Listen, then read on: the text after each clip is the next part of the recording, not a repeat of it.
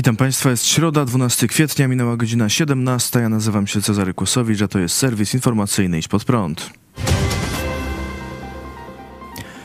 Od wczoraj premier Mateusz Morawiecki przebywa z wizytą w Stanach Zjednoczonych. Przed wylotem stwierdził, że będzie wzmacniał sojusz z naszym najsilniejszym partnerem. Lecę do Stanów Zjednoczonych, aby umacniać sojusz z naszym najpotężniejszym sojusznikiem, z krajem, który gwarantuje bezpieczeństwo Europie, gwarantuje bezpieczeństwo naszej części Europy w szczególności.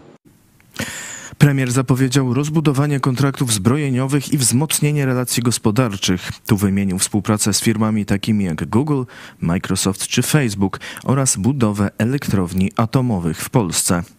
Morawiecki ostrzegał też przed pomysłami budowania bliskiej współpracy z niektórymi potężnymi państwami na Dalekim Wschodzie. Dzisiaj także niektórzy przywódcy Zachodu śnią sny o współpracy ze wszystkimi i z Rosją, i z niektórymi państwami, potężnymi państwami na Dalekim Wschodzie. My przestrzegamy przed tym. Z każdym chcemy żyć w pokoju. To rzecz jasna. Ale zamiast budować strategiczną autonomię od Stanów Zjednoczonych, proponuje strategiczne partnerstwo ze Stanami Zjednoczonymi. Wczoraj premier Morawiecki spotkał się z wiceprezydent Stanów Zjednoczonych Kamalą Harris. Na konferencji po spotkaniu premier zapowiedział, że będą kolejne wysoko zaawansowane inwestycje w Polsce. Stwierdził też, że pani wiceprezydent nie tylko powiedziała o dodatkowej obecności kilku tysięcy żołnierzy, ale także o budowie bazy i magazynów pod kątem akumulacji sprzętu i broni amerykańskiej. Podkreślił, że bliskie relacje Polski i USA to najlepsza szczepionka na rosyjski imperializm.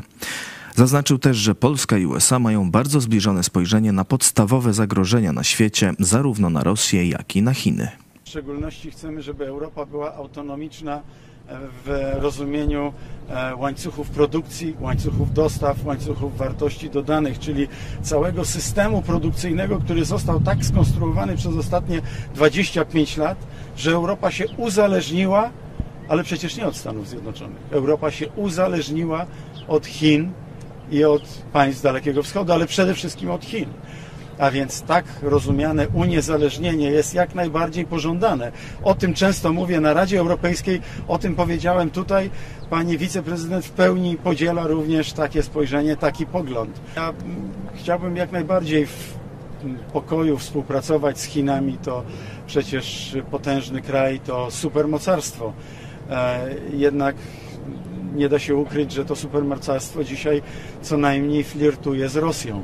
Co najmniej, bo nie wiemy do końca też, jakiego typu produkty są dostarczane do Rosji. Wiemy o mikroprocesorach, wiemy o pewnych częściach, ale też cały czas mamy nadzieję, że Chiny nie posuną się do tego, aby eksportować broń. Kazanie broni przez Chiny Rosji byłoby przekroczeniem czerwonej linii, byłoby przekroczeniem Rubikonu. A więc mam głęboką nadzieję, że Pekin nie posunie się do takiego e, czynu. E, I dlatego na pewno podczas posiedzenia Rady Europejskiej będę podkreślał tą naszą spójność tutaj z Waszyngtonem. Warszawa i Waszyngton mówią absolutnie jednym głosem i mam nadzieję, że Bruksela będzie również mówić jednym głosem. Zboże techniczne z Ukrainy trafiało do polskich młynów jako spożywcze, ustaliła Rzeczpospolita. Według przekazanych wczoraj informacji gazety prokuratura w Zamościu wszczęła śledztwo o oszustwo. Pokrzywdzonymi w sprawie są trzy firmy produkujące mąkę, które kupiły pszenicę od przedsiębiorców spod Chrubieszowa którzy deklarowali, że jest to zboże z Polski. W rzeczywistości było to zboże ukraińskie i to tak zwane zboże techniczne, czyli przeznaczone na pelet lub do spalenia. Sprawa toczy się o oszustwo wielkich rozmiarów. Przynajmniej jedna z oszukanych firm nie użyła trefnego zboża do produkcji mąki.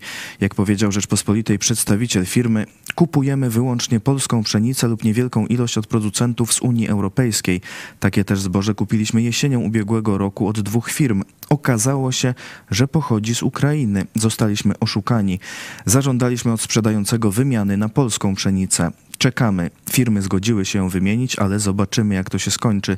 Szczęście, że mieliśmy wolny skład w jednym z młynów i cały ten towar tam zgromadziliśmy. Nie przerobiliśmy go na mąkę.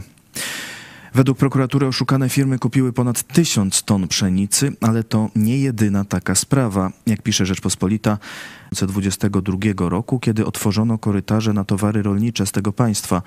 Według Tomasza Obszańskiego, szefa Solidarności Rolników Indywidualnych, 3 miliony ton. Miało trafić do Afryki, ale tuż po przekroczeniu granicy towar odbierali pośrednicy. Wiele firm wykorzystało sytuację do uzyskania wielomilionowych zysków.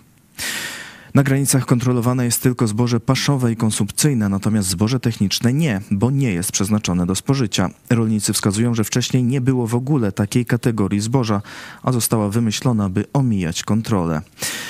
Tymczasem ekspert do spraw bezpieczeństwa, szef Centrum Badań nad Współczesnym Środowiskiem Bezpieczeństwa Michał Marek ostrzega, że kwestię ukraińskiego zboża wykorzystuje rosyjska propaganda. Jak czytamy na Twitterze, kwestia obecności w Polsce ukraińskiego zboża jest wykorzystywana przez rosyjski aparat dezinformacyjny do prób wywołania napięć na, na linii Warszawa-Kijów, budowa negatywnego obrazu Ukrainy w Polsce oraz dekonstrukcji pozytywnego obrazu Polski na Ukrainie. Prorosyjscy aktywiści oraz inne źródła trwale zaangażowane w dezinformowanie Polaków starają się podsycać emocje wokół tematu obecności w Polsce ukraińskiego zboża. Starają się oni wykorzystać związane z daną kwestią emocje do antagonizowania Polaków i Ukraińców. Równolegle rosyjskie źródła starają się przekonywać Ukraińców i Rosjan, iż ograniczając import ukraińskiego zboża, Polska zadała Ukrainie cios w plecy.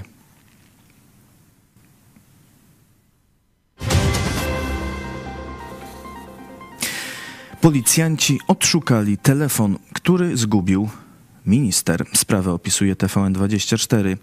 Wiceminister spraw wewnętrznych Błażej Poboży zgubił telefon w Warszawie w okolicach Ogrodu Saskiego. Telefon prywatny, niesłużbowy. Sprawę zgłoszono na policję. Śledztwo podjęli funkcjonariusze z biura kryminalnego. Co najmniej trzech policjantów dysponujących nowoczesnym sprzętem do namierzania smartfonów. I rzeczywiście namierzyli sygnał i idąc tym tropem dotarli do biura w stołecznym ratuszu. Tam znaleźli telefon na biurku jednego z pracowników. Policjanci zatrzymali urzędnika i przewieźli na komendę, gdzie został przesłuchany. Wszczęto postępowanie z artykułu 248 kodeksu karnego o przywłaszczeniu cudzej rzeczy. Źródło TVN24 w policji relacjonuje. Wypuszczono go, gdy koledzy upewnili się, że mówi prawdę. Telefon znalazł w drodze do pracy. Czekał, aż właściciel zadzwoni, bo aparatu nie udało mu się odblokować. Kilka dni później śledztwo zostało umorzone. Sprawa działa się w listopadzie. Podinspektor Andrzej Browarek, naczelnik Wydziału Prasowo-Informacyjnego Komendy Głównej Policji stwierdził, Każda osoba, która stanie się ofiarą przestępstwa, może liczyć na takie same działania podjęte przez funkcjonariuszy policji, bez względu na jednostkę, w której zostanie złożone zawiadomienie. I tu pojawia się pytanie, jakiego przestępstwa? Czy zgubienie telefonu jest przestępstwem? A jeśli tak, to czy kiedy zgubię telefon, to jestem jednocześnie ofiarą i sprawcą? Ministerstwo Spraw Wewnętrznych i Administracji oświadczyło, informujemy, że minister Błażej Poboży jest osobą pokrzywdzoną w sprawie przestępstwa polegającego na przywłaszczeniu telefonu będącego jego prywatną własnością. Minister powiadomił organy ścigania i to policja decydowała o sposobie oraz trybie dalszego działania. Jeśli ktoś z Państwa, będąc faktycznie ofiarą przestępstwa przywłaszczenia czegokolwiek, został podobnie szybko i skutecznie potraktowany przez policję, piszcie do nas, chętnie opowiemy tę historię. Jutro w samo południe odbędzie się kolejna rozprawa w procesie pastora Pawła Chojeckiego, który jest sądzony za słowa wygłaszane w trakcie kazań i za wypowiedzi w telewizji Idź Pod Prąd.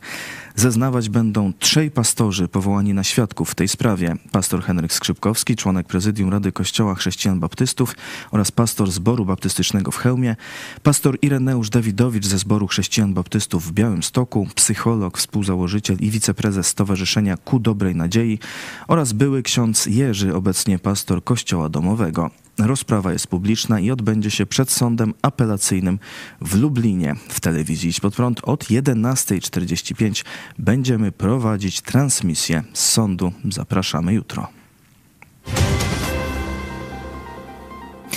I to wszystko w tym wydaniu serwisu. Dziękuję Państwu za uwagę. Kolejny serwis jutro o 17, ale jeszcze dziś o 18 w telewizji Spod Prąd. O co Kaman z reformacją. Zapraszam, do zobaczenia.